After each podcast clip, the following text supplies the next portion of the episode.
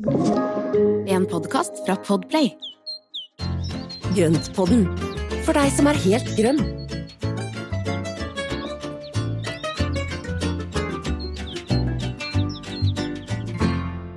Hallo, alle sammen. Velkommen til denne nerdeutgaven av Grønnpodden.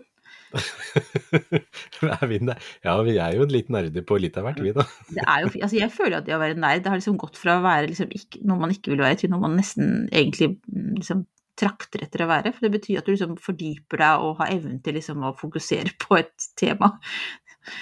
Ja, men det er jo litt morsomt også. Det er jo, hva, hva er det de sier for noe? At nisjen er den nye bredden?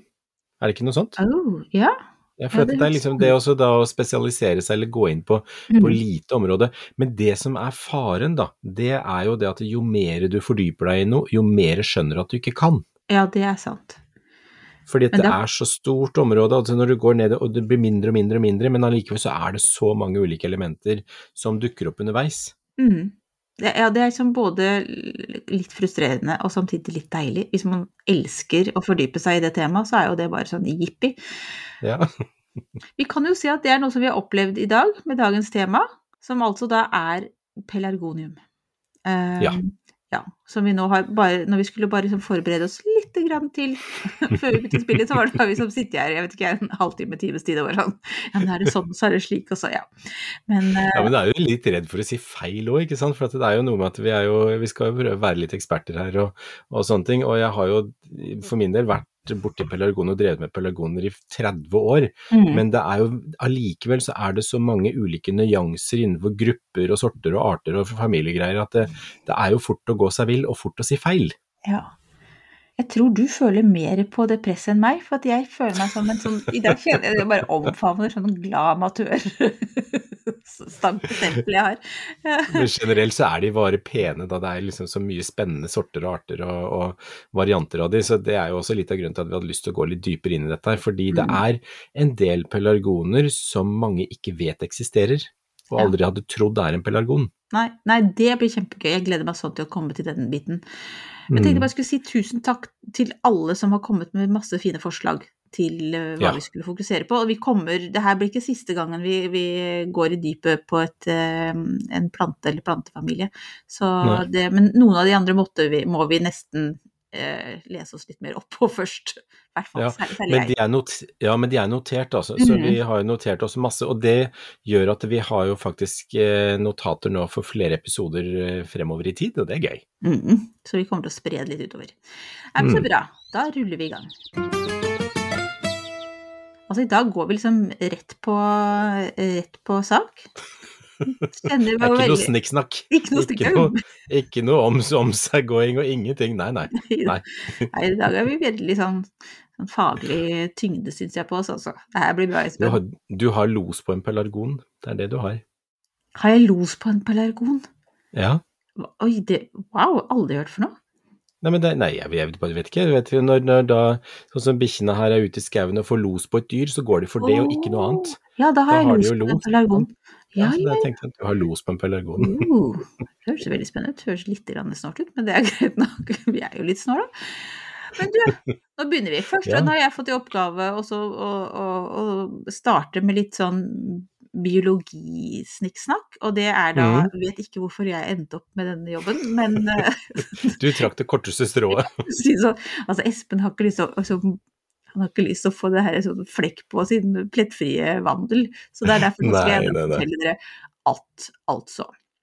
Fordi det er litt forvirrende, syns jeg, dette med art og slekt og orden og rike og alt mulig sånne ting. Én ting er jo planteriket, det kan jeg forstå, altså det, der er Mm. vi på riktig halvdel, liksom.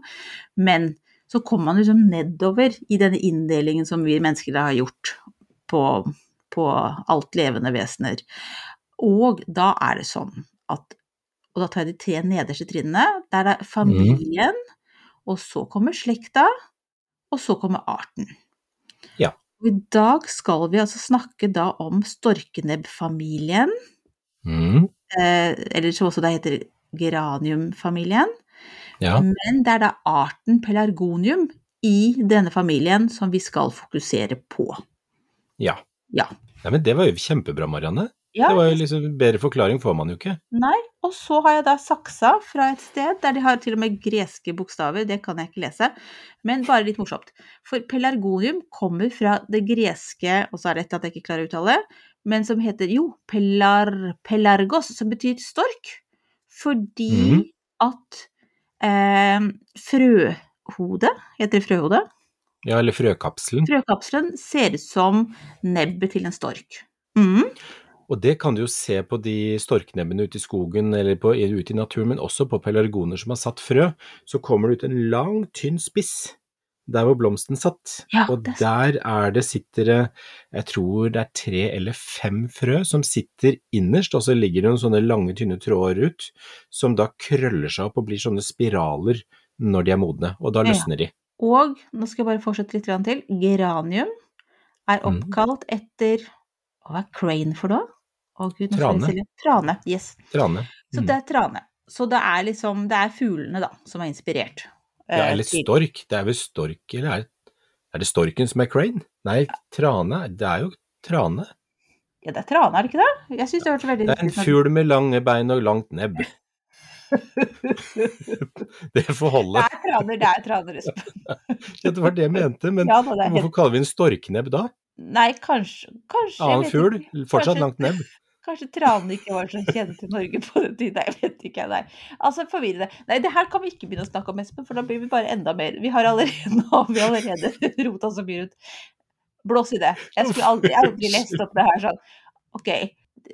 Biologene som først da, skal vi si, oppdaget Altså, de fantes jo før, da, men de som, Mm. europeerne som oppdaget det, syntes da tydeligvis at det lignet på lange fuglenebb, kan vi si. Ja, og derfor så ja. fikk de navnet deretter.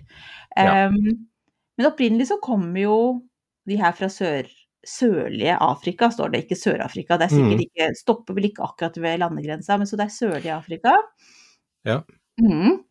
Og der er det jo veldig veldig mye spennende som vi skal komme litt tilbake til. Og så finnes det jo også noen i området rundt, bl.a. ute på St. Helena, som er en øy utenfor der, mm. som har en fantastisk pelargonium cotyledonis som er eh, veldig sjelden. Og er bare Ja. så utrolig vakker. Ja, og nå kunne jeg at vi hadde hatt sånn eh, videokamerainnspilling, for at nå liksom bare sånn skinner de i øya til Espen. Ja, men det er så, den er så så fin. De er så Ja. fine. Ja, men det er bra. Men du, den første planta som kom til Europa, regner med at det, det var vel frø, da. De tok vel ikke og frakta med seg en plante på båten? Ja, det vet vi ingenting kan om. jo, Jeg kan jo godt hende. kan ha vært det, men blås i det. Den kom i hvert fall da til Leiden botaniske hage, og Leiden det er i Nederland. Og det var mm. sannsynligvis allerede før 1600, altså det er kjempetidlig. Og den het pelargonium trist. Triste. Triste. Men det må jo mm. bety, betyr det ikke trist, liksom? Nei, det vet jeg ikke, men det er, pelargonium triste er jo en sukkulent variant som er en av villartene. Mm. Eh, og den har jeg også her hjemme. Og det er, det, Bladene ser ut som gulrotgress, og det har, den har små, anonyme, litt lyse blomster som er, eh, kommer på høye, ja, relativt høye stilker. Vil du si at du tror at betegnelsen triste kan ha noe med utseendet å gjøre? Kanskje fordi bladene henger litt, Ja. litt slapt utover og nedover, kanskje, jeg vet ikke. Ja. Ja, Nei, halvdeppa blader. Det er, eh, det er liksom Nei, men de henger Altså, de, kommer, de sitter jo fast oppi toppen av denne kaudeksen, så, så henger de litt ut og ned. Så det, det er jo en eh, Og mye av det er jo rotknollen som ligger under bakken. Så, men det var jo da morsomt at det er en av de første. for og det som jeg tenker også vi må si, at ofte så ble jo disse her kalt for geraniumer, og altså i bestemødrenes tid så, så ble jo det ofte omtalt som geranier. Mhm. Og det er jo noen som gjør det fortsatt, og det henger igjen fra gammelt av. For de var i samme, samme familien tidligere, men så har de blitt skilt fra hverandre. For geranium er jo egentlig disse her eh, staudene som vi har ute, sånn som storknebb, eh, pratense og disse her andre hageplantene og de ville plantene. Det er Mhm. geraniumene. Men det vi kan si er at de er i samme familie, men de er ikke, Mhm. de er ikke samme art. Nei. Nei. Så ulike arter. Så, så eh, pelargoniene så ligger det vel, det er vel 250-300 ulike eh, hva? Ja, det er ganske mange. Ja. Det er mange av de òg. Så selv om man bryter det ned. Så men der igjen så finnes det jo enormt ulike mange grupperinger, så vi skal ikke komme inn på alle små grupperingene, for det, det kan vi ikke. eh, og har ikke tid til, eh, for at da kan vi sitte her til i morgen. Altså, I dag skal vi altså snakke om pelargonium, og ikke geranium. Som Mm. Nei, da altså Geranium kan vi ta en annen gang. Det kan vi gjerne gjøre. Da, For det er så mange fine av de. Da skal vi ut i hagen mer. Ja, ja, ja. Mm. Ned i bedda. Eh, hva skal vi si nå da, Espen? Har du, hva har du lyst til å snakke om nå da? Nei, jeg tenker at det, som hadde vært litt morsomt, er jo å fortelle at de pelargoniene vi kjøper i butikken, Mm. eller da sonale pelargoniumene, det er jo da de som er litt store blader, de har ofte litt tegninger på bladene, men de aller fleste av de er jo egentlig, eller de er jo etterkommerne etter de ville, litt anonyme artene, så det har jo vært et enormt foredlingsarbeid. Mhm. Som har vært gjort siden da 1600-1700-tallet, og, og hvor man har kryssa på, på kryss og tvers og laget nye sorter, eller nye varianter. Og eh, de sonale er jo en av de, de mest kjente, kanskje, de som man da forbinder med pelargonium som man da finner i butikken. Og det er jo da de eh, med altså relativt fine blader, noen av de har litt tegninger på de, og noen har, har håper jeg, brokete blader med litt rødt i, litt hvitt i og sånne ting. Og så har man jo da de blomstrene som har de vanlige blomstene, og så har du rosenknoppene, som er da denne er disse rosenknopp-pelargoniene.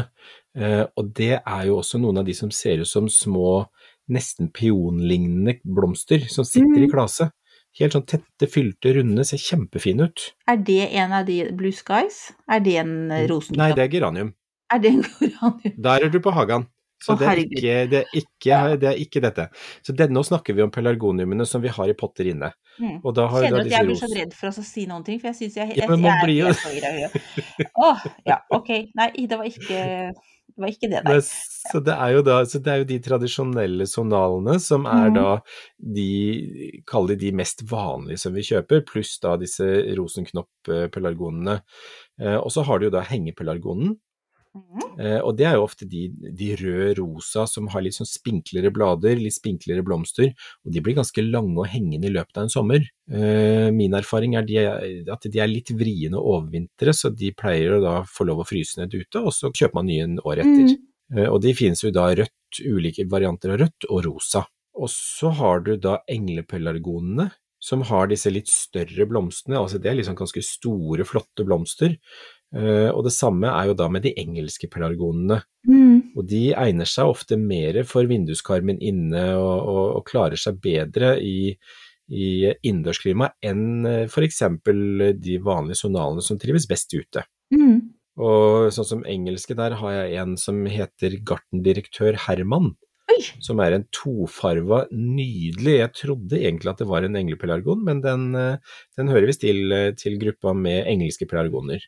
Eh, Etter hva jeg har funnet ut senere. Ja. Eh, Og det er jo da en, en fantastisk, eh, altså stor blomst. Den er lilla på toppen, og så har den helt hvitt skjørt. Og så Hvitt har du da. Ja, eller de Altså to nederste. nederste bladene, Ja. nederste bladene er helt hvite. Så den er kjempefin, og ganske blomsterrik. Og så har du også da disse her, disse her duftpelargonene, og da har du jo alt som lukter, fra de som lukter cola til tyggegummi, altså tutti frutti tyggegummi til eh, alt mulig rart, altså sitron og Mm. mynte og alle disse her variantene. Sjokolade, det finnes jo også noe som lukter nesten sjokolade. Jeg syns de er kjempefine. Jeg tror kanskje det er mine favorittgjeng, gruppe. Mm, De er Ja. eh, ja, nei, sånn doktor Westerlund og ja. alle de der. Men det er jo, den lukter jo så sitron, ikke sant, når du drar fingeren igjennom, så mye, det har den fantastiske duften. Den brukte jeg faktisk som en av mine trigge, altså de plantene som jeg forsøkte å trigge luktesansen med etter at jeg hadde um, korona i fjor, for jeg mista jo luktesansen i tre uker. Og da gikk jeg hele tiden med dr. Vestlund og, så, og kjente på den, gned på den, og så bare lukta, lukta, lukta, og plutselig en dag så kjente jeg lukta igjen. Så deilig. Åh, Ja, det var fantastisk. Så, Det er jo sånn duft som er så, karakter, er så karakteristisk at du kan liksom måtte kjenne den. Altså så duftminne, holdt jeg på å si. At du kan Ja. Bare vi snakker om det, så syns jeg kjenner den derre å Ja. gjenskape det i, i Mm. minnet, liksom. mm. så det, og så har du jo da, og den har faktisk kjempefine blomster, det er ikke så ofte den blomstrer, og det er jo ikke derfor vi dyrker den ofte, men de der små rosa med nydelige tegninger inni, det er utrolig fine detaljer på den. Mm. Så, og så er det jo da ulike da primærhybrider. Oi sann. Yes. Hva vil det si? det er jo Det betyr at den har Det er en, en som har to villarter, altså to ulike villarter som foreldre, og så får du Mm. krysset fram én primærhybrid. Så Er hybrider er jo egentlig krysninger, og Ja. ulike varianter og krysninger. Men da er ikke det F1-hybrider? Nei, nå spør du vanskelig. Det er vel litt usikker på det, faktisk. Vet du hva, da skulle vi ha spurt Altså, jeg har en kompis som har, eh, er ekspert på dette her. Så han skal vi ta med en gang, og så skal vi spørre han, og så prøve å intervjue han.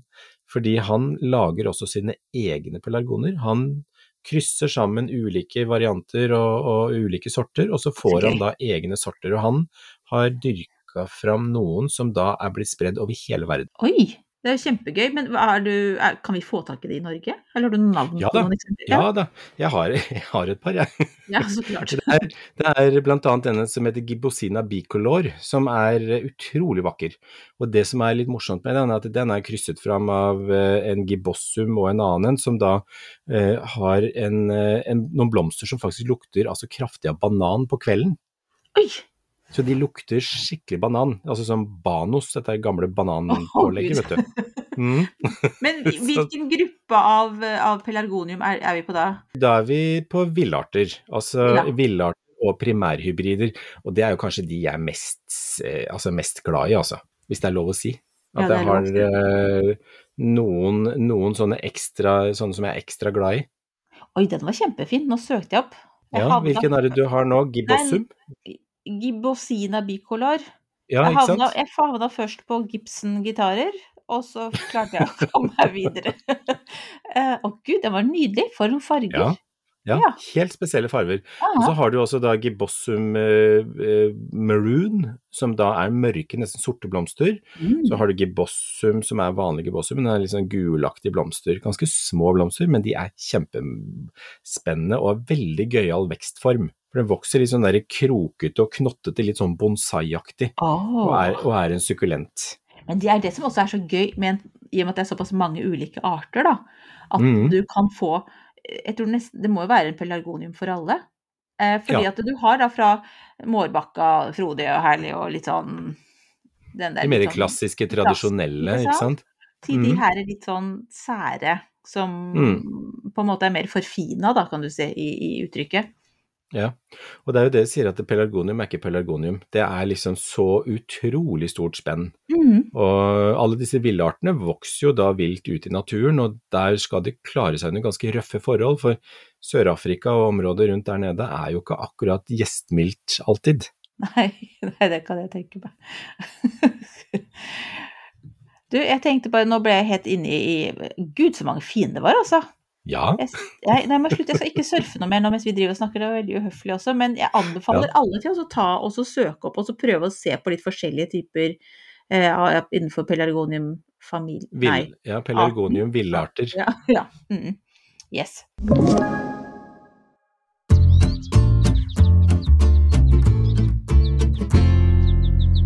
Espen, også nå har vi snakka oss litt sånn vill. For det Som en villpelargonium. Nei, men altså, nå, for nå, nå Vi bare, vi, vi bare snakka oss i vei, for at vi ble litt ivrige begge to. Eh, Mm. Og det var veldig spennende å høre om Edgar og hans Jan Edgar. Jan Edgar, ja. Mm. Ja, og hans uh, arbeid med det her, sånn, for det er jo imponerende. Noen, altså, Ja. Da er du ganske interessert, vil jeg si. Ja. Ja. Og det er jo bare å søke pelargonium og Jan Edgar på nett, så finner du, så finner du altså en hjemmeside med utrolig mye spennende informasjon Mm. om ut, veldig sånne spissa, morsomme, i tillegg til en del eh, sånne mer klassiske. Mm. Så, men han er utrolig flink til akkurat dette her med å krysse og lage ulike varianter. Og når man da krysser to, eh, to sorter, eller to varianter, så er det ikke sikkert du får det samme resultatet på alle frøene. Så du kan få forskjellig på de ulike frøene, og det betyr at når du da har funnet en, eller fått krysset fram en, en variant som er ekstra fin, så er det da sikreste måten å få den videre på, er å ta stiklinger. Ah. For da, Ja. en stikling er jo en genetisk kopi av moren Mm. eller av opphavet morplanta. Og da vil du få videreført både vekstegenskaper og, og blomsterfarge og blomstringsegenskapene. Ah, det blir ikke Mm. en tvilling, men på en måte veldig lik mora si. En, kloning. En kloning. Det blir ja. nesten som en klon. Og Ja. det, er, eh, det er akkurat dette her har jeg skrevet litt om i boka mi også, for at jeg har jo, jeg har jo en veldig stor forkjærlighet for disse her sære raritetene som eh, kanskje noen har oppdaga. Mhm. jo, jo rarere og særere, jo bedre. Eh, og det er jo litt av det som Og det er jo Jan Edgar som har vekket egentlig den interessen hos meg, for jeg visste jo heller ikke hvor mye som, som fantes av det. og, og han, eh, han klarte jo å, å vekke den for ja, ja, nå er det jo snart 20 år siden. Eh, Men det gjør at jeg har jo da fått samlet på meg en del planter gjennom de siste årene, og dette er planter som kan leve i mange, mange, mange, mange år, mm. og fortsette å være med i en samling og bygge opp liksom eh, en, en spennende samling.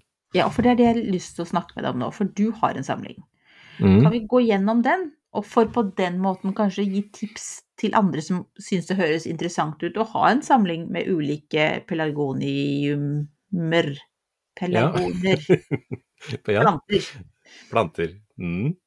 Og det er jo rett og slett å snakke med folk som, eh, som man da kjenner, eller på hagemessa hvis det er Pelargoniumforeningen stiller ut, eller hvis det er noen sånne ting. Eh, Så, eller hvis det er noen sånne fora, og så finnes jo ulike fora på nett, altså på Facebook. Det finnes jo grupper og sider og sånne ting hvor man kan bytte og dele og, og, og kjøpe Mm. eh, stiklinger. Og det å da søke seg opp noen former, og så kommer de an på hva, altså hva er det man liker av vekstform. Eh, jeg har jo også noen sånne tradisjonelle sonale pelargoner som jeg har fra mamma, som hun har hatt i kanskje 30 år, som jeg da har Mm. tatt stikling av henne, og, og, og, eller fått stikling derfra, hvor jeg da har dyrka den videre. Og det er også noe med å ta vare på de frodige, blomsterrike sortene. Så jeg har jo en del av de også, som er mer klassisk. For man kan jo gå inn i det med hvordan man bygger opp en sammenheng. Det spørs jo på hva man har lyst til. Altså, Ja. noen vil kanskje ha på en måte en sånn oversikt med alle, altså de forskjellige gruppene, da. Mm. Mens andre har lyst til å kanskje gå på for én gruppe, eller for en farge, eller altså, ja. Mm. Så det, kan jo, det er veldig individuelt. Men jeg har jo da valgt meg noen sorter som er fine i blomsten. Eh, Blant annet Lord Bute, som er nesten sorte blomster, litt store. Og så har jeg da noen laksefarver, den gamle fra mamma. Og, og så har jeg noen av disse her eh, er det heter kaliope, det er en variant som da er veldig blomsterrik, som, eh, som heter White Splash blant annet. Som er kjempefin, og det er liksom de blomsterrike som gjør det frodig i vinduskarmen ute i vinterhagen. Men så har jeg valgt de andre av vekstform. Mm. Fordi altså, villartene har jo veldig spennende sukkulent og rustikk vekstform. Eh, og veldig mange av disse her kan man jo så opp fra frø selv. ja. Er det den enkleste Så- måten å få tak i dem på? Ja, hvis du skal ha de riktig sjeldne og de vanskelige, altså de, der, altså de sukkulente variantene og de villartene som er vanskelig å få tak i i landet, så kan man jo f.eks. søke opp et eller annet, eh, et eller annet eh, en eller annen solid nettside i utlandet som da selger sånne frø. Mm. Har du noen tips der på steder, eller er det litt vanskelig Ja, å si noe om? jeg, det er litt vanskelig Eller jeg, jeg, jeg har handla fra et sted som heter en som heter Køres i Tyskland. Og det har jeg handla fra siden jeg var 15 år gammel, de første gangen. Så, så jeg har jo handla hos de nå i 35 år. Så, og der har de en del sånne spennende De har masse sukkulenter, masse kaktuser, men også en del spennende sånne sukkulente pelargonfrø. Mm, Mm. kult. Så, og jeg velger alltid å kjøpe sånne ting fra en anerkjent forhandler som jeg vet har kvalitetsfrø, fordi ellers så får man bare tull og tøys og ugress. Ja. Jo, jeg har handla på Etsy. Jeg vil vel kanskje ikke Ja. akkurat anbefale det. Nei. Nei. Etsy og eBay og disse her, det, det ville jeg ikke ha anbefalt. Det, jeg gjorde også det, og da fikk jeg opp noe helt annet som ikke hadde noe med Pelagon å gjøre. Ja. Så, så det er jo noe, noe med det. Ja. Men det er det, altså det å velge ut da de med litt spennende vekstform, og så er det jo en av de som jeg, altså det er jo kanskje den jeg er mest eh, redd for, det er jo en eh, Pelargonium cotyledonis som er i ferd, altså den er jo utrydningstrua, der, mm. og den fins eh, kun på Sant Helena. Oi. Det er en endemisk til Sant Helena, det betyr at det er der den vokser og trives og, og lever. Uh, og så har den uh, ikke så veldig mange andre steder å være. Nei, men så snart. Altså, det, det, er ja. der, liksom, det er de perfekte vekstforholdene, og den er ganske kresen Mm. på hvor den trives, da. Ja, Mm. og så har den da insekter som da klarer å bestøve den, for at den da er avhengig av de og de type insektene for at det som Altså det er jo alt er Naturen er jo så tilpassa, ikke sant. Mm. Så der kjøpte jeg tre frø for mange, mange år siden som jeg da sådde, og to planter fikk jeg, og så døde den ene for to år siden, så nå har jeg en én av de plantene. Og den Oi, står i en sånn sandblanda grusblanding for nydelig hvite blomster, og så har den en utrolig sånn vekst, eh, sånn treaktig vekstform. Jeg er litt imponert av at de, de trives på St. Helena og hos deg. Og sikkert hos noen Ja. andre, da, men det, det lar vi bare være. vi flere, altså.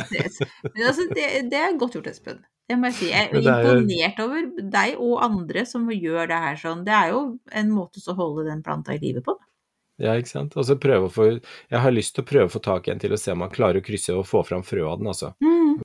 Men det, men det er jo veldig mange fine sorter som man ikke behøver å, å liksom uh, lete lenge etter eller jakte på i årevis. Mm. Uh, det er eksempel altså, Pelargonium carnosum er en veldig spennende sukkulentvariant som også får veldig sånn tjukke, saftige stilker, og røttene legger seg oppå grusblandingen. Eller alle disse sukkulente pelargonene de vokser jo da hos meg, eller jeg planter jo de i mineralsk substrat. Mm. Sånn at de er nesten bare grus og sand og pimpstein og sånne ting. Og da er det, da er det veldig god drenering, vannet renner fort gjennom, og så holder den litt på fuktigheten slik at det ikke blir råte på røttene. Mm. Uh, og det er jo viktig for sukkulenter, og det er viktig for, for også da en del av pelargoniumen at de har god drenering i krukkene sine. Jeg syns det er så forvirrende at noen av dem kan være sukkulenter, og andre er ikke det. Og så er de allikevel liksom i samme gjeng. Ja, men det blir jo sånn som i julestjerna, ikke sant. Julestjerna, den der vanlige røde julestjerna vår, den er jo i slekt med den uh, sukkulenten som kalles for cowboykaktus. Ja, det er altså helt forvirrende. Euforbia. Det er jo begge to er euforbiaer. Så de, eh, eller i vortemelkfamilien. Så det er veldig sånn store variasjoner i ulike, ulike familier og slekter, altså. Helt snart. Nei, nå skal vi la akkurat det ligge, for jeg får heller ligge og så tenke på det her i kveld og undres. Det, jeg tror ikke jeg kommer fram til det, jeg syns bare det er så snart. Men at, ja, nei, nok om det. Men du, noe veldig praktisk. For, som egentlig har noe med det her å gjøre. For når noen er suk- sukkulenter, og noen er noe annet, er det sånn, kan man si at det er noe Det kan jo ikke være noen generelle regler for Stella pelargonium. Det er jo egentlig det. De liker jo da Altså, den norske sommeren funker ganske bra. Den, eh, sånn som her, så står de jo ute på sommeren eh, så lenge det er fritt for frost, og inn igjen på, på høsten. Og så er det lys, kjølig overvintring, hvor det er litt tørrere. Mm. Men generelt så kan man si at alle trenger god drenering. Eh, Suk De sukkulente er kanskje enda De er liksom i ytterkant av god drenering, og så Mm. har du da de, de sonale og de vanlige tradisjonelle som har litt, litt mer eh, jord. Altså der er det jo jord de står i. Mm.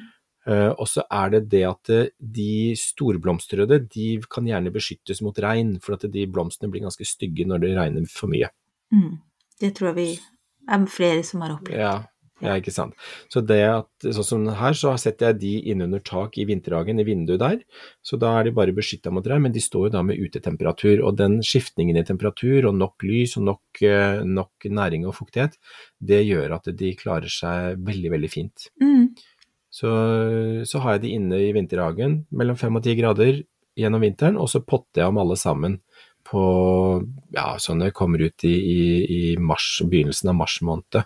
Og det gjør du også med de sukkulente pelargoniene. Nei, Nei. ikke de. De får sjeldnere. De Mm. pleier jeg ikke å potte om mer enn kanskje hvert ja, kanskje tredje år eller noe sånt.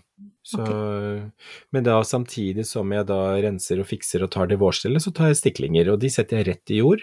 Eh, og, så, og så setter plast over, eller i et minidrivhus, sånn at de får stå og være jevnt fuktige mens de slår røtter. Det er Mm. mye bedre enn å sette de i vann. Er det sånn da at du bare utvider antallet, eller er det sånn at noen av de eldre pelargoniene da får lov til også å takke for seg? Begge deler, altså de, de, i hvert fall de sånn som de sonale, det har, er min erfaring at det blir de for gamle og treaktige i veden, altså i stammen og stilken, Mhm. så vil de ofte bli dårligere vekst på de. Så da med jevne mellomrom så er det greit å fornye de, og da kan det være hvert femte til sjette, syvende år, så fornyer jeg de, og da lager jeg ny, som jeg dyrker opp istedenfor. Mm. Så, og det beste av alt er å lage mange, så kan man gi bort til venner og familie og slekt og venner og ja. Og det er en kjempefin liten gave å komme med da. Hvis man er er så heldig å bli invitert bort til noen, så kan man ta med seg en liten, en liten ny plante. Ja, Det er jo veldig gøy også, så det er jo å ta, ta vare på de plantene man har, og så lage flere, og så gi bort. Åh, vet du, jeg synes jeg blir liksom enda mer glad i pelargonium nå. Jeg fikk veldig lyst på en eh, Nå er jeg ikke så avansert, jeg fikk lyst på en Dr. Vestlunds igjen. Eh, har klart å drepe den jeg hadde. Uff da. Eh, ja, jeg vet. Men uh, gir ikke opp. Og den er ikke så vanskelig å få tak i da, heller. Nei. Men du, la oss avslutte med et tips fra deg. Mm. Hvis man ikke har hatt pelargonium før, hva skal man begynne Ja. med? Jeg ville ha kanskje ha begynt med en av hver. Nei, jeg bare tuller. Nei, nei, nei, det, nei, men altså, det, jeg- vi har ti, de ti, ti fineste. Nei da, nei, jeg ville faktisk ha, jeg ville ha plukket ut noen fine som, som blomstrer og som, som gir den der frodigheten, men jeg ville også ha gått og sett etter noen villarter. Og sett Mhm. kanskje velge ut et par stykker som da er litt sånn morsomme i vekstformen, bare for å ha prøvd det. Fordi eh, de er ganske gøyale, og, og det er jo blant annet triste er jo kjempefin, men du har jo også denne karnosumen som er ganske lett å både ta stiklinger av og, og finne som frø, eh, eller noen andre av disse villartene. Og en av mine favoritter der er den som heter Ardens eller Kaffrum. Ja, nå ser du blir sånn stor i øya. Ja, Ja. Pelargonium mm. Kaffrum. Den er fin, den.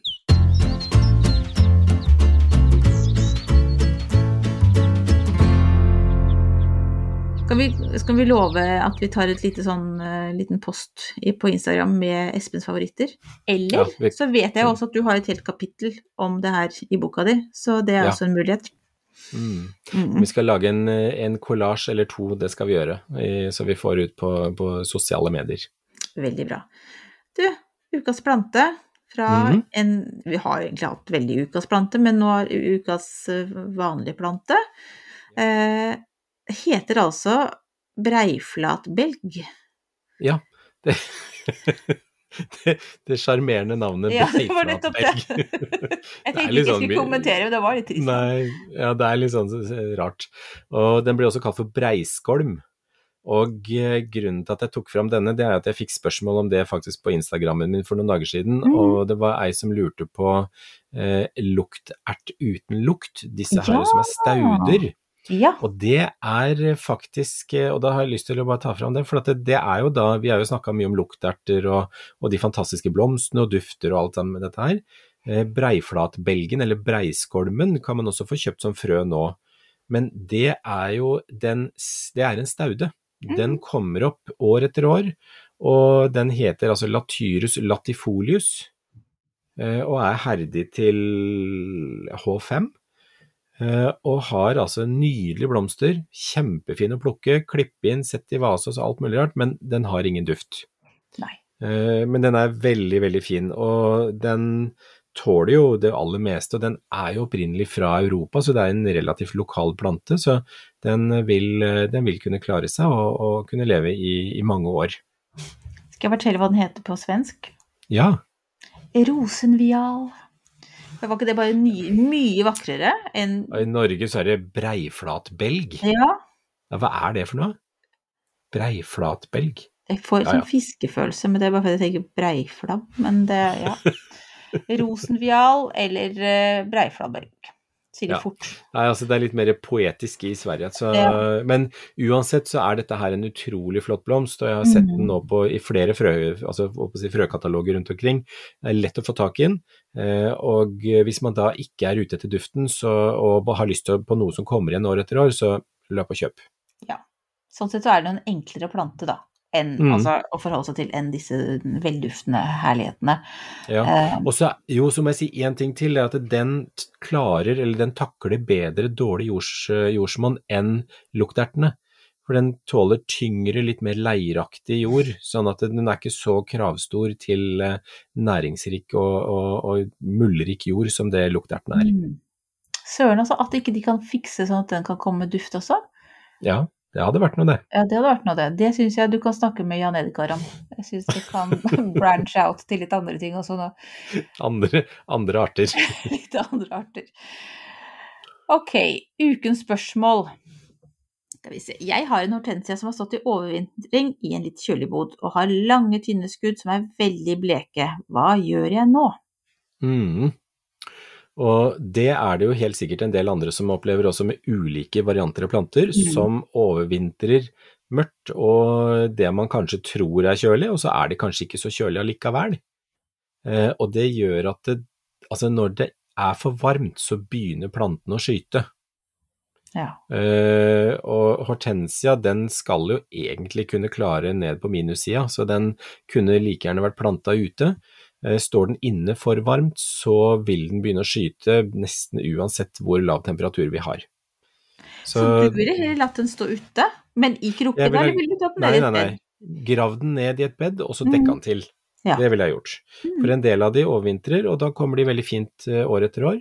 Eh, Men når det først har skjedd dette her at den har lange, tynne skudd som er bleke, så er de så vassende og tynne og dvaske at de blir ikke noe greie på. Så jeg ville ha klippa den helt ned igjen, og så ville jeg satt den eh, fram, begynt å vanne på den, gi den næring og sette den under vekstlys, og gi den så mye lys som overhodet mulig. Mm.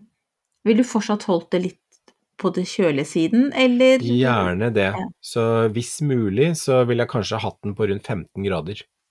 Fordi da krever den ikke fullt så mye lys, altså da vil balansen mellom lys og, og temperatur gjøre at veksten blir mer kompakt. Mm. Mm. Så det ville jeg ha gjort. Og så begynne forsiktig å vanne. Når du ser at det er god vekst i den, så ville jeg begynt å gjødsle. Ja. Åh, og når du sier sånn, så det er liksom så herlig, for det betyr at nå kommer snart den varme årstiden. Ja, men det er jo på veien. Ja. Og det leder meg over til eh, hva du gjør nå. Ja. For du har sånn drømmer. Jeg planlegger, jeg har store drømmer. Jeg har, I år så har jeg store drømmer fordi jeg har et ønske om, eller jeg har en plan, om å få ferdig utekjøkkenet, som jeg da har planlagt og skissert opp og gjort klart. Men jeg har et problem, eh, og problemer de er jo til for å løses. Mm. Og mitt problem er litt stort og hardt, for at det er en fjellknaus. Og den må bort for Ja. at jeg skal kunne få laga det kjøkkenet i det, på det nivået jeg ønsker å ha det. Mm. Så jeg skal faktisk ta og Jeg har spadd fram sånn at det nå, hvis det blir mildvær som det er spådd nå framover, så kommer det til å smelte litt mer. Og da skal jeg begynne å bore masse små hull inn i den knausen, og så skal jeg begynne med kile og slegge og slå løs noen steinblokker, sånn at jeg får løsna en bit av det fjellet og får senka den der utekjøkkenet mitt til passelig nivå. Ja. Gud a meg, for en jobb. Det er, det er litt å pusle med, så det er eh, Jeg tenker at det er noe jeg skal ta i små porsjoner, eh, og så får vi se hvordan det ja. Små, små steinbiter. Men du, apropos det, så var det Nå skal jeg bare gjøre fort sånn søk på For at nå skal jeg Jeg så nemlig på en svensk eh, jeg vet ikke om jeg kan si TV-serie. Det var Den het 'Sommaren i Grums'. Og da er det, som da er vel over svenskegrensa fra Ørje, tror jeg, eller noe sånt. Eh, og der er det en svensk eh, programleder som har et sommersted. Oh. Og der, den serien er veldig søt, ligger på hva heter det, SVT Play. ja. Eh, og da hadde hun, si det er fem episoder, da, så gjør hun forskjellige ting i hagen sin. Og den ene episoden så skulle hun fjerne nettopp litt stein, en liten knaus. Og Ja. det de gjorde, nå ko- jeg kommer endelig til poenget, det de gjorde var at de, de tente et bål over den, ja, ja, men og det så, er jo og så tok de kaldt vann på, og så ja, Ja, så forsvant Men det. det er en gammel og god måte å fjerne fjell på, å dele steiner og sånne ting. Fyre opp. Og den derre hurtige endringen på temperatur, det blir som når glass sprekker i Ja. oppvaskmaskinen, ikke sant. Mm. Den der hurtige endringen på det gjør at det sprekker opp. Men eh, jeg har ikke mulighet til å tenne opp bål der, for det er litt for nært en hekk og nabo og sånne ting. Så det, det er grens... Ja, så derfor så tror jeg jeg gjør det for manuelt. Men det går også an å bruke trollkraft. Og det er jo sånn som du borer hull, og så heller du oppi, og så ekspanderer det når det stivner. Ja, ja, ja. Mm, det kan man også gjøre. Så det Ja. fins flere alternativer. Altså, hva du Så-. Har du alltid kunnet det her, Espen, eller har du lest deg opp på det nå? Nei, jeg, jeg kom jo Altså, i, i vår familie så har vi alltid fiksa ting. Pappa har alltid fiksa ting. Mm. Eh, og så er det kanskje noe vi har fått inn fra, fra jeg var liten, at eh, ja, men da fikser vi det. Ja, det er ikke noe, og hvis ikke jeg kan det, så prøver jeg å finne ut av hvordan jeg gjør det, og så prøver jeg. Så ikke vær redd for å prøve, tenker jeg. Ja, det er veldig bra. Altså, jeg har vokst opp med særlig en pappa som er sånn, og jeg har en mann som er sånn, så jeg tror kanskje jeg liksom bare surfer litt på at de ordner. Det kan bli litt feil sånn sett også. Jeg skal, jeg skal bli inspirert av deg og faktisk også begynne å ta tak i det litt sjøl. Fikse litt. Ja, Men så bra. Men hva gjør du ellers, Marianne? Nå, nå skal du jo ta tak i flere ting, men er det, har du noen prosjekter på gang nå? Yes, jeg har to prosjekter på gang. Ja. Jeg har jo disse agurkgardinene, Mm. Eh, som nå har begynt å komme med sine ordentlige blader. Å, så gøy. Ja, og jeg har bundet opp eh, små sånne hyssinggreier i, ta i vinduskarmen, toppen. Gardinstanga. Gardinstanga er klar. Det ble to vinduer, men nå tror jeg kanskje jeg klarer å love bort eh, et av vinduene, holdt jeg på å si, til naboen. Så, Å, så bra. Ja. Men det er jo hyggelig å kunne gi bort. ja, ja, ja. Så det, vi får se, men hun forsvant uten noen, så jeg er ikke sikker på om Vi glemte litt, men jeg tenkte jeg skal høre med en gang til. Kanskje jeg blir kvitt eh, en gardin. Og jo, også i dag så har jeg også lagt i bløt eh, gule erter. Og nå har de svella så fint at nå har jeg lagt dem på jord. Og så skal jeg få sånne spirer. Så jeg skal ha på brødskiva og salaten og sånt. Og Å du, det er så godt. Det er så godt. Det er så godt, det. Og det har jeg, det har jeg også lyst til å gjøre. Bare gjør det. Gjør det, gjør det. Bare, men da legger du det bare oppå jorda, og så setter de i vinduskarmen, eller? Ja, eh, det er det jeg Nå leste jeg at jeg skulle, helst skulle hatt det under noe plast, så jeg får se. Men eh, har, enn så lenge så har jeg bare fukta jorda, og de er jo ganske gode og fuktige og, og sånn, de ertene i seg sjøl. Det sto at man ikke Ja. trengte å legge dem i bløt, men det, altså, det står litt forskjellig, da. Så jeg prøver med litt Ja. sånn blandings. Eh, så vi får se. Ofte så, ja, for ofte så går det litt fortere hvis du bløtlegger frøene først, og så Mm. hiver de på, så sparer man seg gjerne for litt tid. Mm. Så vi får se. Jeg skal avgi rapport neste uke hvordan det har gått. Herlig. Mm, deilig. Nei, det skal jeg også lage. Jeg, skal også, jeg vil også ha sånne. Ja, men det er jo veldig godt. Så Det er så jeg- godt. Og så er Det det er veldig sunt. veldig sunt, og så ser det pent ut, og så ja, mange Mm. gode ting. Og så er det noe med det at jeg har jo da det både ertespirene og agurkgardinene jo, skyldes jo et intenst ønske om at det skal bli litt sånn frodig ute, og at det skal bli vår og sommer og sånn. Ja, Da må man jo starte våren inne på denne tida her. Man må jo det. Så det er litt sånn overlevelsestaktikk, Ja, rett og det er bra, det. Ja. Så det gjør jeg. Eh, og så du, nok en gang så har ikke vi snakka om hva vi skal si, at, eller hva vi skal gjøre neste gang. Altså det blir en overraskelse igjen, da. Ja, men jeg tror vi skal ta noen stauder. Eh, Jeg tror vi skal snakke om litt stauder som både eh, står på ønskelista og er litt hardføre og robuste, tror jeg. Hva Ja, tror du om det? ja, veldig gjerne. Robuste, hardføre stauder som er lette å dele og lette å dyrke. Ja, nydelig. Det er bare vinn-vinn her. Yes. Da er vi planen klar, da. Da kan du egentlig bare spille i den episoden til med en gang. Du kan sikkert alt det på strak arm. Jeg har en tanke om noen eh, som ba- man bare må ha, skjønner du. Jeg kommet på det nå. Hm. Kult. Så bra. Nei, men det, det gleder vi oss til. Ja, Mhm. jeg gleder meg veldig til den episoden. I mellomtiden så følg oss på Instagram. Eh, det er lov å forhåndskjøpe Espes til bok. Jeg, sniker inn litt reklame for den. Mm. Og jeg Eh, signerer hvis noen har lyst på signatur, så er det bare huka for signatur, og så kommer den eh, med, med min nydelige underskrift oppi. Ja. Å gud, du skal sette deg og gjøre det, du. Det blir Ja, spennende. jeg gleder meg. Jeg sånn gleder meg. sliten i armen. Ja. Ja, Vi får det skal- håpe det blir skikkelig sliten i armen, for da er det veldig Det mange er- som har bestilt signatur. Ja, det er hyggelig, for det er en god slitenhet, da. Ja, ikke sant. Mm. Så bra. Men da sier jeg takk for meg. Eh, veldig hyggelig å prate med deg, Espen. I like måte, og tusen takk for oss, og takk for at dere henger med. Mm. Takk for i dag. Ha det bra. Ha det.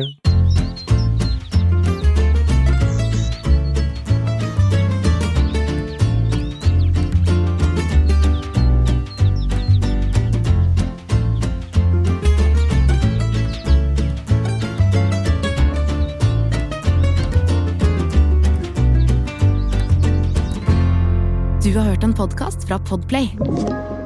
En enklere måte å høre podkast på. Last ned appen Podplay, eller se podplay.no.